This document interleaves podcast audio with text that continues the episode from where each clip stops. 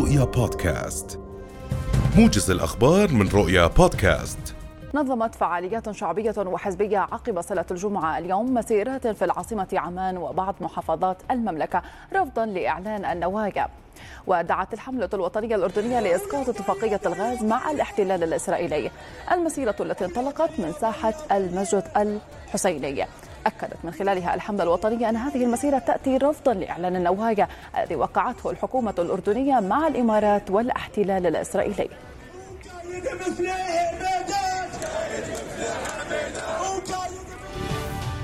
أعلنت وزارة الصحة مساء أمس تسجيل أول إصابتين بمتحور أوميكرون في المملكة. وذكرت وزارة الصحة أن الإصابة الأولى تعود لأردني قادم من جنوب إفريقيا وتم حجره مباشرة في أحد فنادق عمان. وأضافت أن الإصابة الثانية تعود لمواطن أردني لا يوجد له تاريخ سفر إلى خارج المملكة مؤخرا. وهو محجور في أحد فنادق عمان أيضا. قالت وزارة التربية والتعليم اليوم إن 37295 طالبا وطالبة وافق أولياء أمورهم على تلقيهم مطعوم كورونا في الأردن. وكان الناطق الإعلامي باسم وزارة التربية والتعليم أحمد المساحفة قال إن نسبة الإصابة بفيروس كورونا في المدارس وصلت إلى تسعة بالألف وإن عدد المدارس التي تحولت إلى التعليم عن بعد لا تتجاوز نسبتها اثنين بالألف.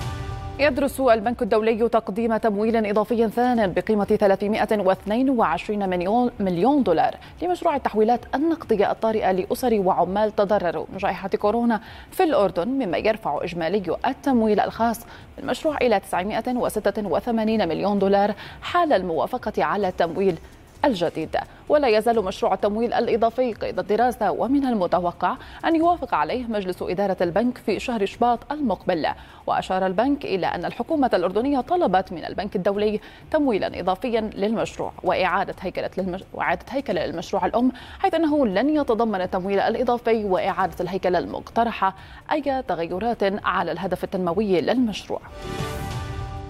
اعتمدت الجمعية العامة للأمم المتحدة فجر اليوم وبأغلبية كبيرة خمسة قرارات متعلقة بالقضية الفلسطينية وعلى رأسها القرار المعني بدعم اللاجئين الفلسطينيين والذي يشمل وكالة غوث وتشغيل اللاجئين الفلسطينيين أونروا. وتعد قرارات الجمعية العامة للأمم المتحدة غير ملزمة لأي دولة لكنها تكتسب أهميتها من كونها أداة دبلوماسية تعكس إرادة المجتمع الدولي وتوجهاته بشأن القضايا المطروحة. أجرى الرئيس الأمريكي جو بايدن اتصالا هاتفيا مع نظيره الأوكراني فولوديمير زيلنسكي بحث خلالها الأوضاع في إقليم دونباس شرقي البلاد في حين أظهرت صور أقمار صناعية استمرار حشد قوات روسية باتجاه أوكرانيا. وأوضح بيان صادر عن الرئاسة الأوكرانية أن بايدن وزيلنسكي تناولا خلال الاتصال الوضع الأمني في محيط أوكرانيا فضلا عن السبل الممكنة من أجل تحقيق السلام. وجدد الرئيس الأوكراني في الاتصال التزام بلاده بالحل السلمي في دونباس ونسق مع بايدن مواقفهما للخطوات التالية في هذا الاتجاه.